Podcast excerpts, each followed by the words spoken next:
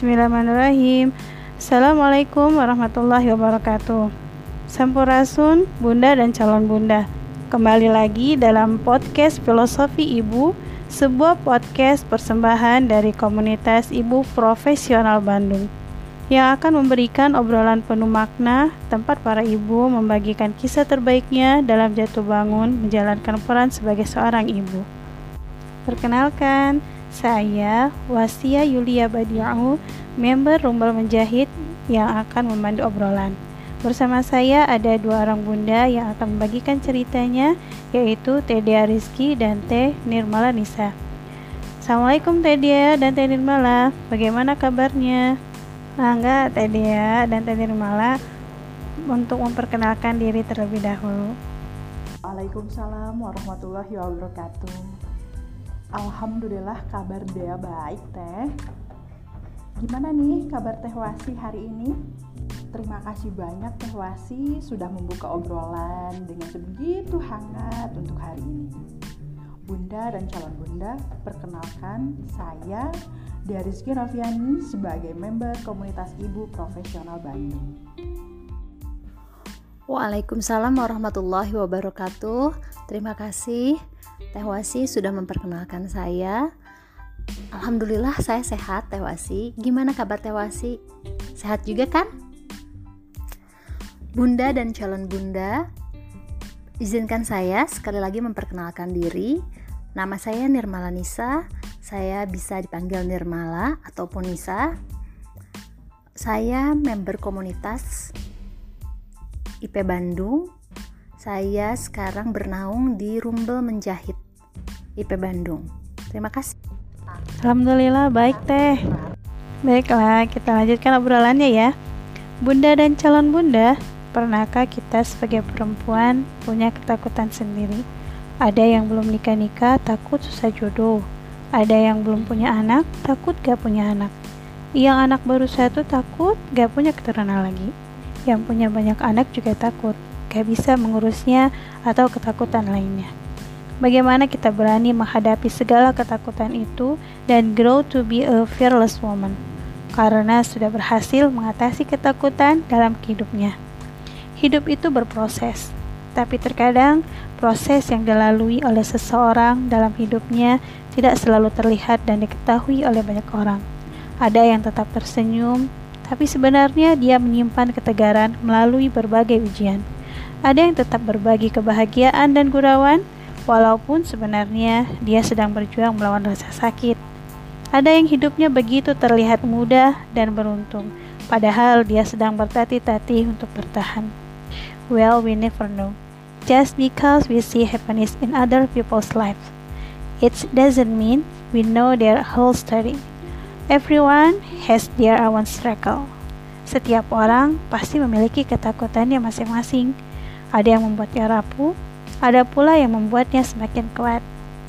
Nah, sebenarnya apa sih ketakutan yang terbesar dalam kehidupan teteh-teteh? Silahkan berbagi teh. Saat saya menjadi seorang anak, istri dan ibu, ada rasa ketakutan yang begitu besar. Pada saat saya sebagai seorang anak di mana waktu itu masih SMA, bapak meninggalkan kami untuk selama-lamanya. Dari sana ada rasa kecewa, khawatir, marah, dan takut. Secara saya kehilangan sosok bapak yang selalu kami rindukan dan kehilangan sosok yang menafkahkan kami. Saya pada masa itu sedang masa remaja yang di satu sisi sifat egois saya sedang tinggi dan satu sisi saya harus bisa menjadi seorang kakak yang dewasa. Rasanya tugas saya berat sekali. Mama menjadi tulang punggung untuk kami. Setelah saya lulus SMA, alhamdulillah saya bisa membantu mama. Saya bekerja sambil kuliah dan alhamdulillah lagi saya dapat menyekolahkan adik-adik. Pada saat fase menjadi seorang istri di mana ketakutan itu terulang. Rasa takut yang sangat itu pada saat har mengharuskan long distance marriage dengan suami dari awal menikah. saya pasrahkan semuanya sama Allah dan menitipkan semuanya sama Allah. Kodarullah selama pandemi kemarin suami dirumahkan. Ada hikmah yang dapat kami ambil dengan kami tinggal serumah kembali, inilah saatnya bonding kami tingkatkan serta visi misi keluarga kami susun kembali. Fase ketakutan terjadi tuh pada saat menjadi seorang ibu saya seorang ibu dengan memiliki dua seorang putri yang cantik. Di mana pada saat itu anak kedua saya mengalami kondisi kesehatan yang tidak sefit anak pertama yang mengharuskan bulak-balik rumah sakit dan dalam beberapa waktu setiap bulannya pasti selalu dirawat pada saat itu saya berpikir saya itu seorang ibu yang tidak becus untuk mengurus anak, seorang ibu yang tidak baik, seorang ibu yang tidak bisa merawat anak, seorang ibu yang tidak sempurna. Saya menyalahkan diri saya sendiri. Alhamdulillah, saya memiliki support system. Ada suami, mama, dan adik-adik serta tante yang menguatkan dan mengingatkan saya akan kondisi di mana setiap anak itu berbeda kondisi apa pun itu tidak akan sama. Alhamdulillah, saya bisa bangkit dan terus melakukan yang terbaik untuk anak-anak. Ada pesan moral dari Bapak yang selalu saya terapkan sampai sekarang. Jika kita memiliki suatu masalah yang sedang menghadapi tantangan apa pun, berusahalah sekuat tenaga dengan kemampuan yang kita punya Jangan berharap kepada manusia karena ditakutkan akan kecewa. Tetapi berharap dan minta tolonglah sama Allah. Insya Allah Allah selalu menolong umatnya. Jika ditanya tentang rasa takut, tentu sebagai manusia biasa, saya juga memiliki rasa takut. Salah satu ketakutan saya adalah ketika saya dan suami memutuskan untuk pindah kembali ke Bandung setelah merantau di ibu kota Jawa Tengah. Kami mempersiapkan kepindahan kami dengan menabung selama satu tahun untuk modal usaha di Bandung. Berbekal restu orang tua kami kembali ke Bandung. Bismillah memulai usaha di kota kelahiran kami. Semangat sekali waktu itu sampai pada bulan kedua usaha kami tantangannya dimulai ketika sampai pada bulan kedua usaha kami belum ada satu jemaah pun mendaftar. Suami mulai risau mulai berubah lesu tidak bersemangat dan kacau. Sulit dijelaskan dengan kata-kata saya seperti tidak mengenal suami saya waktu itu. Akhirnya kami berdiskusi untuk membuka sampingan sambil menunggu perkembangan kantor suami. Karena letak kami tinggal dekat dengan pasar yang ramai setiap pagi, maka kami putuskan membuka usaha makanan untuk sarapan. Padahal, jujur saja, saya tidak bisa jualan dan juga tidak bisa masak. Saya belajar masak berbekal video dari aplikasi memasak Jadilah angkringan pepes nasi kami yang menurut saya layak jual. Melihat saya bersemangat, suami pun juga ikut bersemangat kembali. Waktu itu, saya yang biasanya ekspresif dan tidak bisa memendam perasaan mendadak jadi artis hebat. Cukup baik saya menyimpan ketakutan saya, tetap tersenyum saat bertemu orang tua kami dan tidak menceritakan apa pun kesulitan yang kami hadapi dan tampil sebagai istri yang bersemangat. Padahal dalam hati saya lelah dan takut. Alhamdulillah, satu bulan setelah angkringan dibuka, atau tiga bulan setelah usaha suami dibuka, usaha suami mulai membuahkan hasil.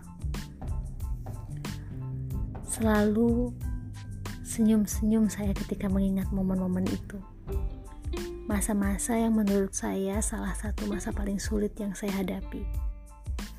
Alhamdulillah, sekarang semuanya sudah terlewati. Tentu saja ketakutan baru dimulai, tantangan baru harus dihadapi.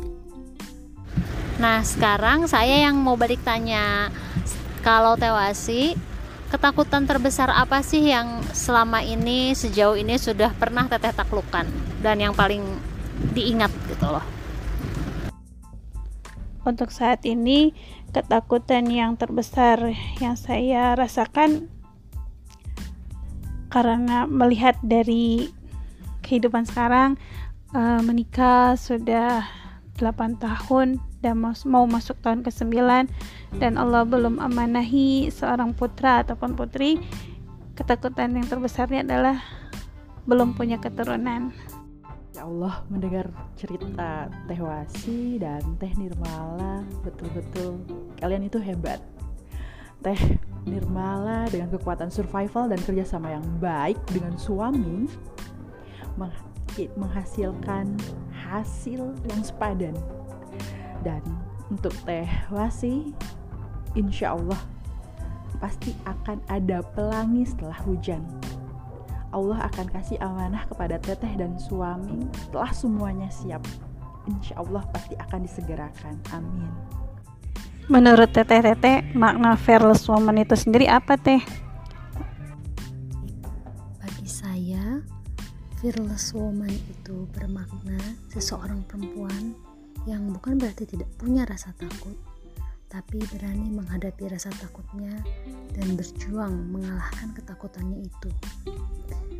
Dia juga tidak membiarkan rasa takutnya merintangi peran mulianya sebagai anak, istri, maupun seorang ibu.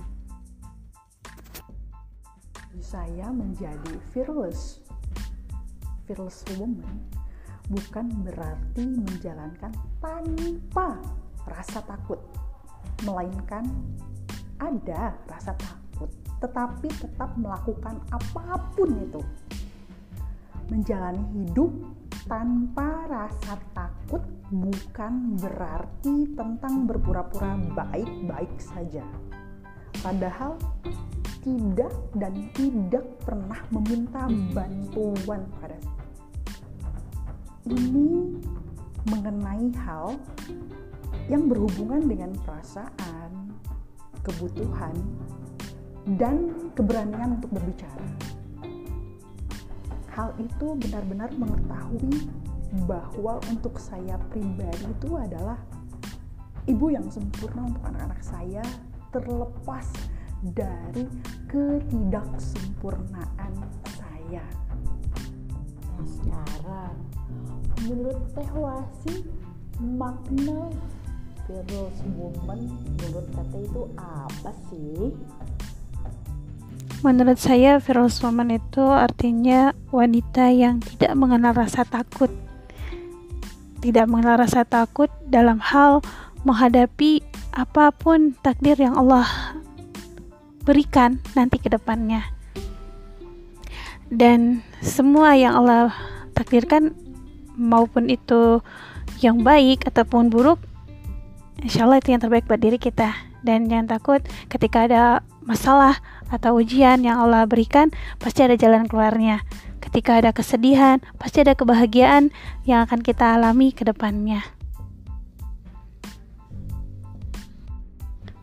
Masya Allah, itu adalah cerita yang telah dibagikan oleh TDA dan T Nirmala. Eh, semoga apa yang kita sampaikan, obrolan-obrolan hari ini ada manfaat yang bisa diambil oleh para bunda dan calon bunda. Untuk TDA dan Teh Nirmala, ada closing statement yang mau disampaikan? Mangga Teh, disilahkan. Pada akhirnya, apa pun bentuknya, ketakutan itu harus kita hadapi agar kita bisa melangkah maju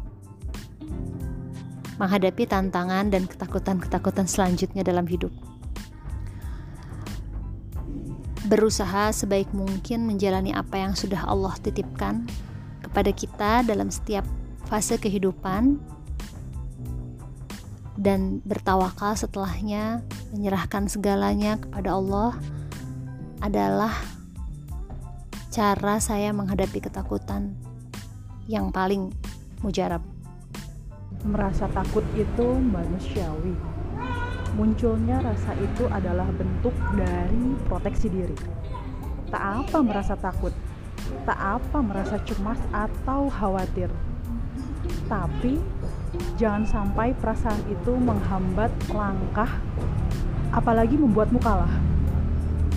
Cara terbaik untuk mengatasinya adalah dengan maju terus dan melawannya Asal kamu tahu, ketakutan dan kekhawatiran muncul dari negatifnya pikiran. Maka berusahalah untuk selalu berpikir positif dan jangan cuma berandai-andai. Bergeraklah, berjuanglah, kalahkan rasa takutmu, tingkatkan terus kemampuanmu dan wujudkan mimpi-mimpimu. Sekian, terima kasih. Alhamdulillah, itu tadi cerita yang bisa kita bagikan di dalam episode kali ini. Semoga apa yang kita bagikan bisa bermanfaat bagi Bunda dan para calon Bunda. Terima kasih untuk waktunya. Assalamualaikum warahmatullahi wabarakatuh.